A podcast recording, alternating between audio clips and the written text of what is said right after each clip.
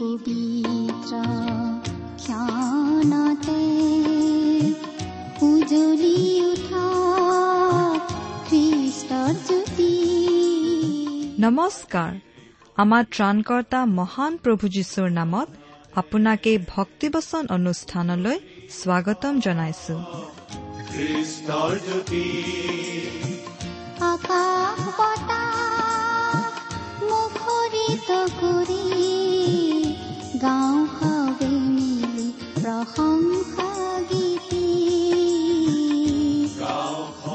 এয়া মুকলি কৰিছো। ঈশ্বৰৰ জীৱিত বাক্যৰ ধাৰাবাহিক অনুষ্ঠান ভক্তি বচন।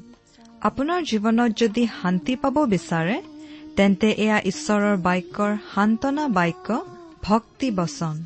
গতিকে আহক আজিৰ শিক্ষা শুনো।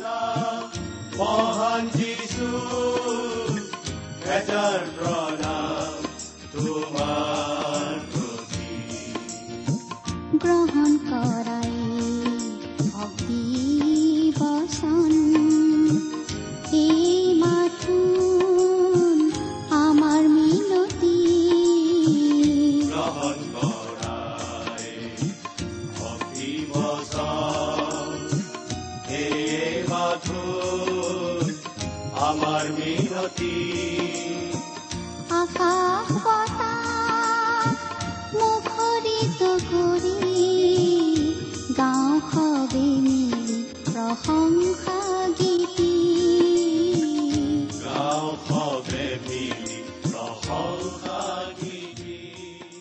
আমাৰ পৰম পবিত্ৰ প্ৰভু যীশুখ্ৰীষ্টৰ নামত নমস্কাৰ প্ৰিয় শ্ৰোতা।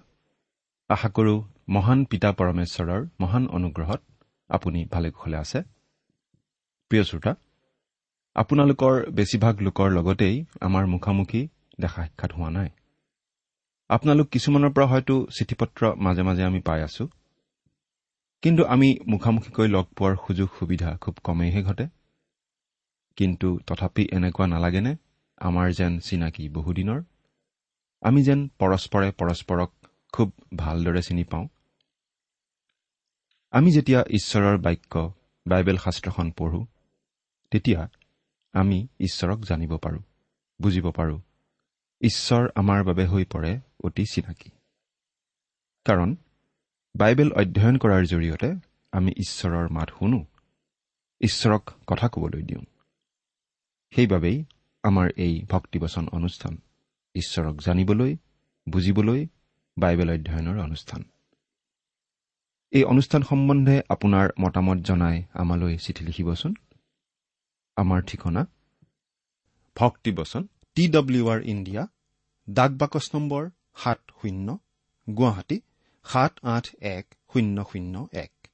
ভক্তিবচন T W R India postbox number seventy Guwahati seven eight one zero' zero' one আমাৰ website W W W dot radio' eight eight two dot com প্ৰিয় শ্ৰোতা আপুনি বাৰু আমাৰ এই ভক্তিবচন অনুষ্ঠান নিয়মিতভাৱে শুনি আছেনে আমি বাৰু যোৱা অনুষ্ঠানত কি আলোচনা কৰিছিলো আপোনাৰ মনত আছেনে আমি আজি কিছুদিন ধৰি বাইবেলৰ নতুন নিয়ম খণ্ডৰ জোহনৰ প্ৰথম পত্ৰ বা চমুকৈ প্ৰথম জোহন নামৰ পুস্তকখন অধ্যয়ন কৰি আছো নহয়নে বাৰু? যোৱা অনুষ্ঠানত আমি এই প্ৰথম জোহন পুস্তকৰ তিনি নম্বৰ অধ্যায়ৰ অধ্যয়ন আৰম্ভ কৰিছিলো আৰু তিনি নম্বৰ অধ্যায়ৰ তিনি নম্বৰ পদলৈকে পঢ়ি আমাৰ আলোচনা আগবঢ়াইছিলো নহয় জানো? গতিকে আজিৰ অনুষ্ঠানত আমি তিনি নম্বৰ অধ্যায়ৰ চাৰি নম্বৰ পদৰ পৰা আমাৰ আলোচনা আৰম্ভ কৰিব খুজিছো। আহকচোন। আজিৰ বাইবেল অধ্যয়ন আৰম্ভ কৰাৰ আগতে প্ৰাৰ্থনাত মূৰ্ণত কৰোঁ হওক। আমি প্ৰাৰ্থনা কৰিম। স্বৰ্গত থকা আমাৰ অসীম দয়ালু পিতৃ ঈশ্বৰ সকলো গৌৰৱ প্ৰশংসা তোমাৰেই হওক।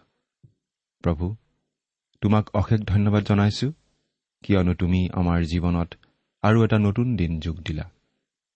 আমি তোমাৰ পৰা একো ভাল বস্তু লাভ কৰাৰ যোগ্য নহলেও তুমি আমাক সকলো ধৰণে আশীৰ্বাদ কৰি আহিছা। প্ৰভু যীশুৰ যোগেদি তুমি আমালৈ পৰিত্ৰাণৰ অমূল্য আশীৰ্বাদ বিনামূল্যে আগবঢ়াইছা। তোমাৰ অনুগ্ৰহ তোমাৰ প্ৰেম তোমাৰ কৰুণা তোমাৰ দয়াৰ কথা কৈ কৈ আমি শেষ কৰিব নোৱাৰোঁ পিতা। এতিয়া হে প্ৰভু প্ৰাৰ্থনা কৰিছো তোমাৰ চৰণত আমাক ঠাই দি তোমাৰ মহান বাক্য বাইবেল শাস্ত্ৰ তুমি আমাক বুজাই দিয়া। আমাৰ প্ৰত্যেকৰে জীৱন তুমি আশীৰ্বাদেৰে উপচাই দিয়া। এই অনুষ্ঠান শুনি থকা প্ৰতিজন শ্ৰোতাৰ ব্যক্তিগত প্ৰয়োজনসমূহৰ কথা তুমি জানা পিতা। তেওঁলোক প্ৰতিজনৰ প্ৰয়োজন তুমি পূৰণ কৰা। আত্মিক জীৱনত দুপদ দুপে আগবাঢ়ি যোৱাত সহায় কৰা। কিয়নো এই প্ৰাৰ্থনা আমাৰ বাবে ক্ৰুচত প্ৰাণ দি আমাৰ পাপৰ প্ৰায়চিত্ৰ কৰি তৃতীয় দিনা মৃত্যুক জয় কৰি জি উঠা মৃত্যুঞ্জয়ী প্ৰভু যীশুৰ নামেৰে আগবঢ়ালো। আমেন।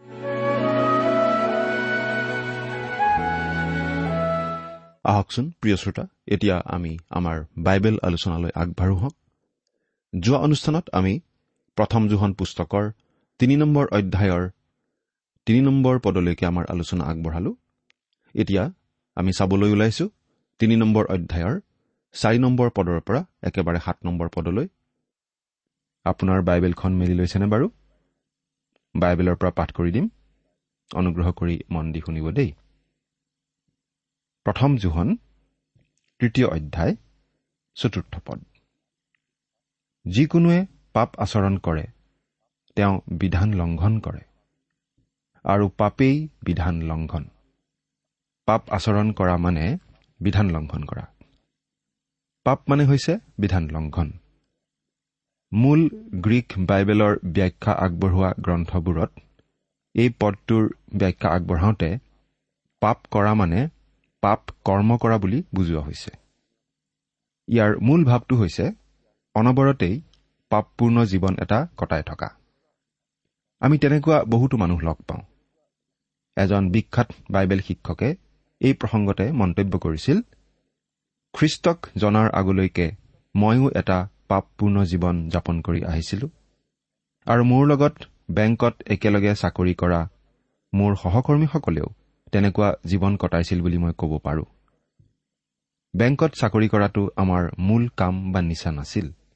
আমাৰ নিচা আছিল নাৰীত মদত আৰু ভোগবিলাসত যিকোনো প্ৰকাৰে জীৱনটো উপভোগ কৰিবলৈ আমি বিচাৰিছিলো। সেই সময়ত আমি জীৱনটো তেনেকুৱা বুলিয়েই ভাবিছিলো। তেনেদৰে দিন কটোৱাটোৱেই আমি জীৱন বুলি ভাবিছিলো। সেয়ে জীৱনৰ মূল উদ্দেশ্য বুলি ভাবিছিলো। আমি অনবৰতে তেনেকুৱা জীৱন কটাইছিলো আৰু অনবৰতে তেনেকুৱা ধৰণৰ চিন্তা চৰ্চাই আমি কৰিছিলো। এয়েই হৈছে পাপপূৰ্ণ জীৱন। ইয়াত জোহনে পাপ আচৰণ কৰা মানে এনেকুৱা ধৰণৰ জীৱন কটোৱা কথাকেই বুজাইছে। যিকোনো পাপ আচৰণ কৰে তেওঁ পাপকেই কৰি থাকে বা সহজ ভাষাত পাপপূৰ্ণ জীৱন যাপন কৰি থাকে। যিকোনোৱে পাপ আচৰণ কৰে তেওঁ বিধান লংঘন কৰে। ঈশ্বৰে কিছুমান বিধান বা নিয়ম বান্ধি দিছে কিছুমান আজ্ঞা তেওঁ দিছে। তেওঁ কৈছিল তুমি ব্যভিচাৰ নকৰিবা। যাত্ৰা পুস্তক বিশ নম্বৰ অধ্যায় চৈধ্য পদ। আৰু সেইটো আজিও প্ৰযোজ্য। আজি আমাৰ সমাজত যি ধৰণৰ ব্যভিচাৰ চলি থকা আমি দেখো বা শুনো সেইটো আচলতে নতুন কথা নহয়। এনেধৰণৰ কথা আগতেও চলিছিল। সেইবাবেই ঈশ্বৰে ইমান বছৰ আগতেই এনে এটা বিধান বান্ধি দিছিল। আজি আধুনিক যুগত মানুহৰ মাজত যি বেয়া কাম চলি থাকে প্ৰাচীন কালতো চলিছিল। হয়তো বেয়া কামবিলাকৰ ধৰণবোৰ অলপ বেলেগ আছিল। কিন্তু মূলতঃ কাৰ্যবোৰ একেই। আৰু পাপেই বিধান লংঘন ঈশ্বৰে বিধান বান্ধি দিছিল যাতে আমি নিজকে পাপী বুলি বুজি পাওঁ। যাতে আমি বুজি পাওঁ আমাৰ অৱস্থা কি। আমাক কিহৰ প্ৰয়োজন? বিধানৰ উদ্দেশ্য আছিল মানুহক পাপ সম্বন্ধে সজাগ কৰি তোলা। মানুহক পৰিত্ৰাণ দিবলৈ বিধান দিয়া হোৱা নাছিল। মানুহ যে স্বভাৱতেই পাপী সেই কথাটো প্ৰকাশ কৰিবলৈ বিধান দিয়া হৈছিল। পাপ আচলতে ঈশ্বৰৰ ইচ্ছাৰ বিৰোধী অৱস্থা এটা। বা সহজ ভাষাত ক'বলৈ গ'লে সেই লোকেই পাপী যি লোকে ঈশ্বৰৰ ইচ্ছাৰ প্ৰতি বাধ্যতা নেদেখুৱায়। এবাৰ ছানডে স্কুলত এজনী সৰু ছোৱালীক সোধা হৈছিল পাপ মানে কি? ছোৱালীজনী উত্তৰ দি কৈছিল আমি যি কৰিবলৈ ইচ্ছা কৰোঁ সেইটোৱেই পাপ আচলতে ছোৱালীজনীৰ উত্তৰটো প্ৰায় সঠিক বুলিয়েই ক'ব লাগিব। কাৰণ আমি নিজৰ খুচিমতে কৰা কাৰ্যবোৰ আচলতে পাপৰ শাৰীতেই পৰাৰ সম্ভাৱনা বেছি। কাৰণ আপোনাৰ মোৰ আৰু সকলো মানৱৰ যি পুৰণি প্ৰকৃতি যি স্বাভাৱিক প্ৰকৃতি সেই পুৰণি প্ৰকৃতিটো ঈশ্বৰৰ ইচ্ছাৰ বিৰোধী। এই কথাটো পাচনি পৌলে অলপ দৃঢ়ভাৱে কৈছে এনেদৰে কিয়নো মাংসৰ অনুসাৰে হোৱাবিলাকে মাংসিক বিষয় ভাবে কিন্তু আত্মাৰ অনুসাৰে হোৱাবিলাকে আত্মিক বিষয় ভাবে। ৰুমিয়া আঠ অধ্যায় পাঁচ পদ। প্ৰিয় শ্ৰোতা আমাৰ পুৰণি প্ৰকৃতি অৰ্থাৎ মাংসিক প্ৰকৃতিয়ে ঈশ্বৰৰ ইচ্ছা পালন কৰিব নোখোজে। ঈশ্বৰৰ ইচ্ছাৰ বিৰুদ্ধেহে যাব খোজে। প্ৰিয় শ্ৰোতা আপুনি বাৰু নিজক পৰীক্ষা কৰি চাইছেনে? আপুনি বাৰু কেনেদৰে জীৱন কটাই আছে? মাংসিক প্ৰকৃতিৰ বশত নে আত্মাৰ অধীনত? পাচনি পৌলে এই প্ৰসংগতে এই বুলিও কৈছে মাংসৰ ভাৱ মৃত্যু। মৃত্যু মানে ঈশ্বৰৰ পৰা বিচ্ছিন্ন হোৱা অৱস্থা। সেই কথাকে জোহনেও ইয়াত বুজাইছে। আপুনি পিতৃ ঈশ্বৰৰ সৈতে সহভাগিতা ৰক্ষা কৰি থাকি মাংসিক খ্ৰীষ্টিয়ান হ'ব নোৱাৰে। এইটো অসম্ভৱ কথা। আজি আমি প্ৰায়েই এনেধৰণৰ কথা কোৱা বিশ্বাসী লগ পাওঁ। মই যে ঈশ্বৰক ইমান ভাল পাওঁ ইমান প্ৰেম কৰোঁ মই তেওঁক ইমান সুন্দৰভাৱে সেৱা উপাসনা আগবঢ়াই আহিছো তেওঁৰ পৰিচৰ্যা কৰি আহিছো তেওঁ কি যে অপূৰ্ব এৰা। কিছুমান খ্ৰীষ্টীয় বিশ্বাসীয়ে নিজকে ইমান ধাৰ্মিক যেন দেখুৱায়। কিন্তু মুখেৰে এনেদৰে কোৱা বহুতো লোকৰ জীৱনলৈ চালে আমি বাৰু কি দেখো? তেওঁলোকৰ বহুতেই ঈশ্বৰৰ সৈতে সহভাগিতা ৰক্ষা কৰি চলা নাই। মাংসিকতাৰ অধীন হোৱা মানেই মৃত্যু আৰু আত্মিক ভাৱাপন্ন হোৱা মানে জীৱন আৰু শান্তি। মাংসিক মনটো ঈশ্বৰ বিৰোধী অৰ্থাৎ ঈশ্বৰৰ প্ৰতি অবাধ্য। কাৰণ ই ঈশ্বৰৰ বিধান আৰু আজ্ঞাসমূহৰ প্ৰতি বাধ্য নহয় আৰু হ'ব নোৱাৰে। এইখিনি কথা আমি পাওঁ ৰুমিয়া আঠ অধ্যায় ছয়ৰ পৰা সাত পদত। পাচনি পৌলে আমাক এই কথাটো পৰিষ্কাৰভাৱে বুজাই দিছে যে ঈশ্বৰে বিধান দিয়াৰ আগতেও জগতত পাপ কাৰ্য আছিল। কিন্তু সেই কাৰ্য বিধান লংঘন নাছিল কাৰণ তেতিয়ালৈকে বিধান দিয়াই হোৱা নাছিল। বিধান লংঘন কৰাটো পাপ। পাপৰ বশত বা অধীনত থকা লোকে বিধান পালন নকৰে। নীতি নিয়ম নামানে। বিধান দিয়া হোৱা কাৰণেই আমি বুজি পাওঁ পাপ কি। পাচনি পৌলে এই বুলি লিখিছে কিয়নো বিধানে ক্ৰোধ সাধন কৰায় কিন্তু য'ত বিধান নাই তাত লংঘনো নাই। কিন্তু পাপ এইকাৰণেই আমি বুজি পোৱা হলো কাৰণ আমাক বিধান দিয়া হ'ল। জগতত পাপ সোমাল এজন মানুহ অৰ্থাৎ প্ৰথম মানৱ আদমৰ আজ্ঞা লংঘনৰ দ্বাৰা অবাধ্যতাৰ দ্বাৰা। এই বিষয়ে আমি বাইবেলত এনেদৰে পঢ়িবলৈ পাওঁ। এতেকে যেনেকৈ এজন মানুহৰ দ্বাৰাই পাপ আৰু পাপৰ দ্বাৰাই মৃত্যু জগতত সোমাল আৰু সকলোৱে পাপ কৰাত সেই মৃত্যু সকলো মানুহলৈকে বিয়পি গ'ল। ৰুমিয়া পাঁচ অধ্যায় বাৰপদ অৰ্থাৎ আমিও আদমৰ সৈতে পাপ কৰিলো। আদমৰ পাপেই আমাৰো পাপ। কাৰণ সেই সময়ত আমি গোটেই মানৱ জাতি আদমতেই আছিলো। কাৰণ তেতিয়া আদমৰ কোনো সন্তান জন্মই হোৱা নাছিল। ৰুমিয়া পাঁচ অধ্যায় তেৰ পদত আমি এনেদৰে পাওঁ কিয়নো বিধান দিয়ালৈকে জগতত পাপ আছিল কিন্তু য'ত বিধান নাই তাত পাপকো গণনা কৰা নাযায়। মানুহে তেতিয়াই পাপ কৰিছিল ঈশ্বৰৰ অবাধ্য হৈছিল কিন্তু সেইটো বিধান লংঘন নাছিল কাৰণ তেতিয়াও বিধান দিয়া হোৱাই নাছিল। আমি ৰুমিয়া পুস্তক পঢ়ি গ'লে এনেদৰে পাওঁ। তথাপি যিবিলাকে আদমৰ আজ্ঞালংঘনৰ দৰে পাপ কৰা নাই আদমৰ পৰা মচিলৈকে তেওঁবিলাকৰ ওপৰতো মৃত্যুৱে ৰাজত্ব কৰিছিল সেই আদম আহিব লগা জনাৰ প্ৰতিৰূপ আছিল। ৰুমিয়া পাঁচ অধ্যায় চৈধ্য পদ। তেওঁলোকে পাপ কৰিছিল।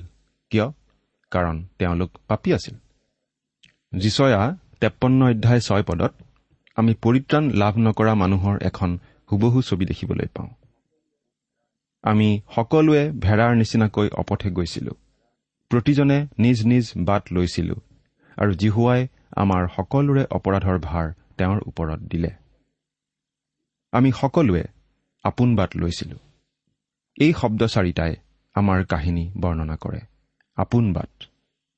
আমাৰ সমস্যাটো কি? আপোনাৰ মোৰ সমস্যাটো কি? আমি নিজৰ মতে চলিব খোজো। নিজৰ বাট ল'ব খোজো। আৰু মানুহৰ এইটোৱেই স্বভাৱ। কেঁচু অৱস্থাৰ পৰাই এই স্বভাৱটো প্ৰকাশ পাই উঠে। আমি নিজৰ মতে চলিব খোজো আৰু আমাৰ এই স্বভাৱটো ঈশ্বৰ বিৰোধী।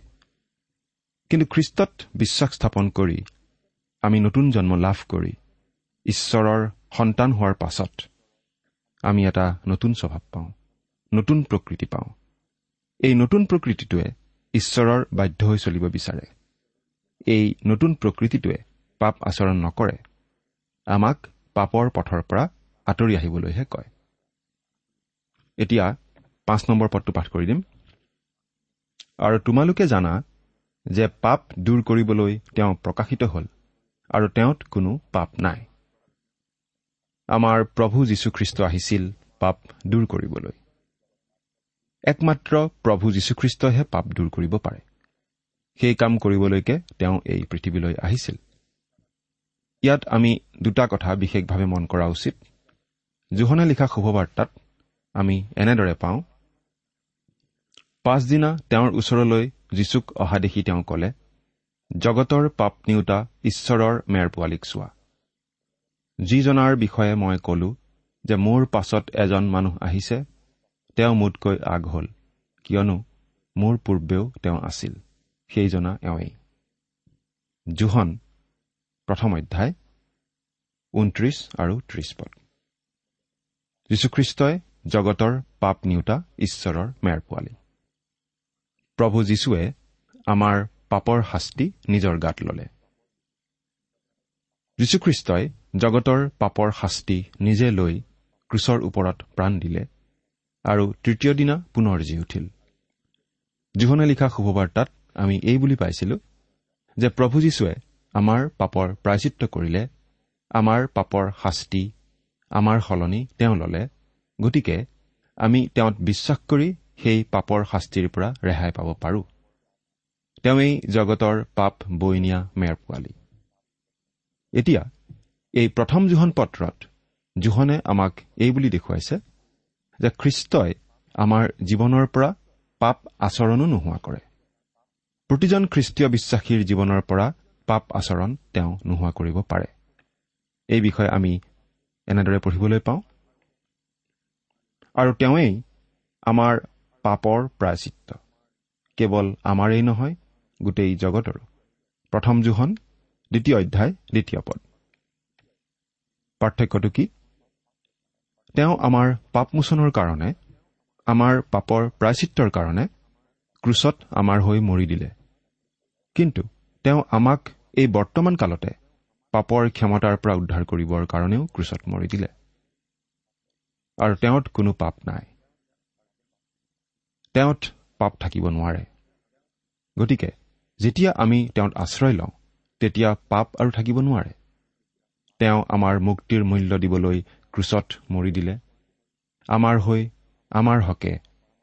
তেওঁ আমাৰ বাবে পাপাৰ্থক বলিস্বৰূপ হ'ল। তেওঁত কোনো পাপ নাছিল।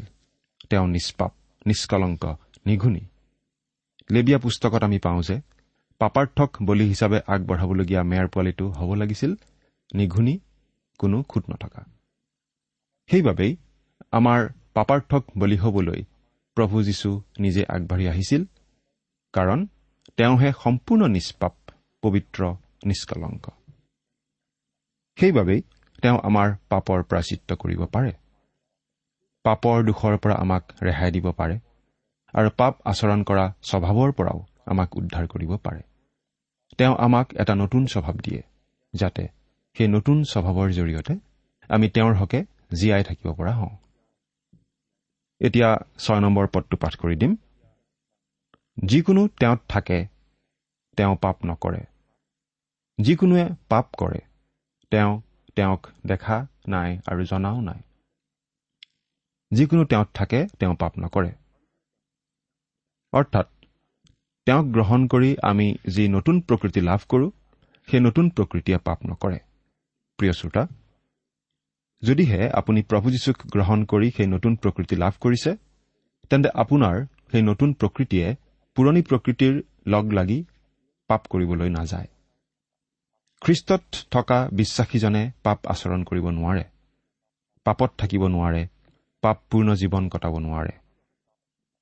পাপী লোকে কিন্তু অনবৰতে তেনেকুৱা জীৱন কটায় কিন্তু খ্ৰীষ্টীয় বিশ্বাসীজনে এটা নতুন প্ৰকৃতি লাভ কৰে। তেওঁ পাপপূৰ্ণ জীৱন কটাব নোৱাৰে। এই বিশেষ কথাটো আমি অপব্যয় পুত্ৰৰ দৃষ্টান্তটোৰ দ্বাৰা ভালদৰে বুজি পাওঁ। এই কথা আমি লোকে লিখা শুভবাৰ্তা পোন্ধৰ অধ্যায়ৰ এঘাৰৰ পৰা চৌব্বিছ পদলৈ পঢ়িলে পাওঁ। গাহৰিৰ গঁড়ালত গাহৰি থাকে মানুহৰ সন্তান নাথাকে। কিন্তু সেই অপব্যয় পুত্ৰই গৈ গাহৰিৰ গঁড়ালত থাকিব লগা অৱস্থা হৈছিল। কিন্তু সেই অপব্যয় পুত্ৰ আকৌ পিতৃৰ ওচৰলৈ উভতি আহিছিল। সেই কথাটো আমি মনত ৰখা উচিত। ঈশ্বৰৰ সন্তানে তাত পৰিব পাৰে কিন্তু পৰিলেও উঠি আহিবই। কিয়? কাৰণ তেওঁ ঈশ্বৰৰ সন্তান। ঈশ্বৰৰ সন্তানে ঈশ্বৰক অনুকৰণ কৰিবই। তেওঁৰ পিতৃ ধাৰ্মিক পবিত্ৰ। গতিকে ঈশ্বৰৰ সন্তানসকলেও তেনেকুৱা ধাৰ্মিক আৰু পবিত্ৰ জীৱন যাপন কৰিবলৈ হাবিয়াস কৰিবই। পাপ আচৰণ কৰা স্বভাৱৰ পৰা উদ্ধাৰ পোৱাৰ শক্তি বা ক্ষমতাও আমাক ঈশ্বৰেই যোগায়। আৰু সেই কথাটো জোহনে আমাক ইয়াত জনাই দিছে। যিকোনো তেওঁত থাকে তেওঁ পাপ নকৰে। যদিহে আপুনি গাহৰিৰ গঁড়ালত থাকেগৈ সেইটো আপোনাৰ পুৰণি প্ৰকৃতি। আৰু আপুনি যদি গাহৰিৰ গঁড়ালতে থাকি যায় আৰু কেতিয়াও উভতি আহিবলৈ চেষ্টা বা হাবিয়াস নকৰে তেন্তে আপুনি ঈশ্বৰৰ সন্তান হোৱাই নাছিল বুলিহে ক'ব লাগিব। প্ৰিয় শ্ৰোতা কোনো লোক যদি পাপত থাকিও আনন্দ কৰি থাকিব পাৰে তেনে লোক ঈশ্বৰৰ সন্তান নহয়। কাৰণ ঈশ্বৰৰ সন্তানৰ গাত ঈশ্বৰৰ গুণ ঈশ্বৰৰ স্বভাৱ থাকিবই। আৰু ঈশ্বৰে পাপক ঘীন কৰে। এবাৰ এজন বিখ্যাত বাইবেল শিক্ষকলৈ এখন চিঠি আহিছিল।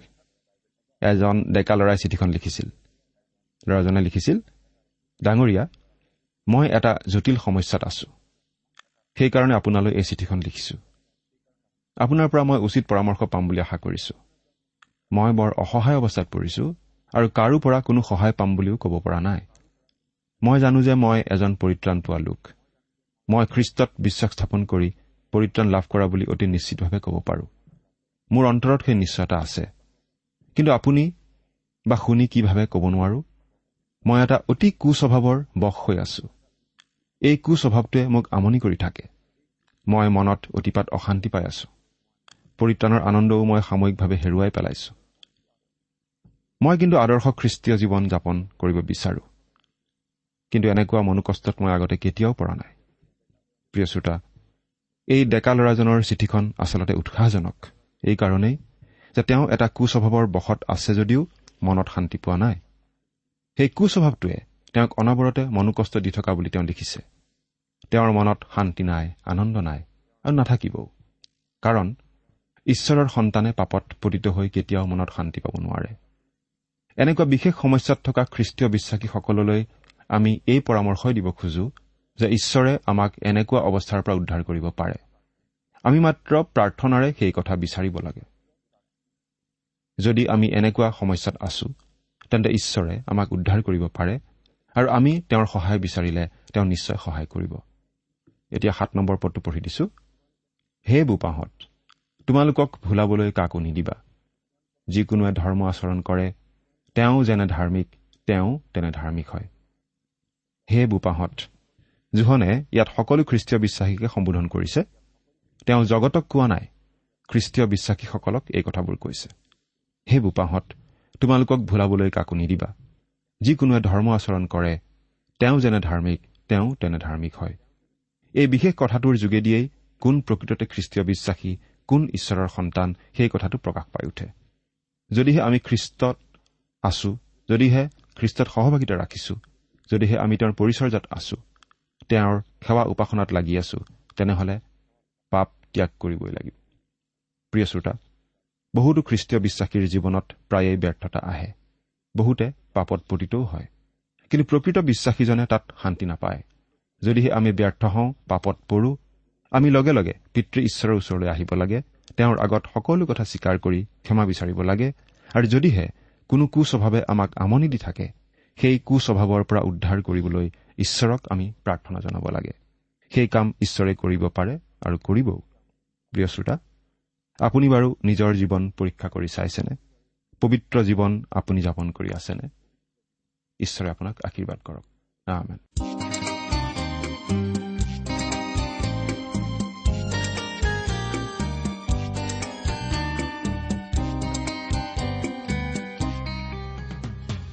সংগীতেৰে সংবাদ মিলাও আমি ঘৰে ঘৰে মুক্তিদাতাই জন্ম ললে পাপী কুধাৰিবলে সংগীতেৰে শুভ সংবাদ মিলাও আমি মুক্তিদাতাই ইমান পৰে আপুনি ভক্তিবচন অনুষ্ঠানটি শুনিলে। এই বিষয়ে আপোনাৰ মতামত জানিবলৈ পালে আমি নথৈ আনন্দিত হ'ম। আমি প্ৰস্তুত কৰা বাইবেল অধ্যয়নৰ আন চিডিসমূহ পাব বিচাৰিলেও আমালৈ লিখক। অনুষ্ঠানটি শুনি কেনে পালে আমালৈ চিঠি লিখি জনাবচোন। অনুষ্ঠানত প্ৰচাৰ কৰা কোনো কথা বুজিব লগা থাকিলেও আমালৈ লিখক। আমাৰ ঠিকনা? ভক্তিবচন ট্ৰান্স ৱৰ্ল্ড ৰেডিঅ' ইণ্ডিয়া ডাক বাকচ নম্বৰ সাত শূন্য গুৱাহাটী সাত আঠ এক শূন্য শূন্য এক ঠিকনাটো আৰু এবাৰ কৈছো ভক্তিবচন ট্ৰান্স ৱৰ্ল্ড ৰেডিঅ' ইণ্ডিয়া ডাক বাকচ নম্বৰ সাত শূন্য গুৱাহাটী সাত আঠ এক শূন্য শূন্য এক।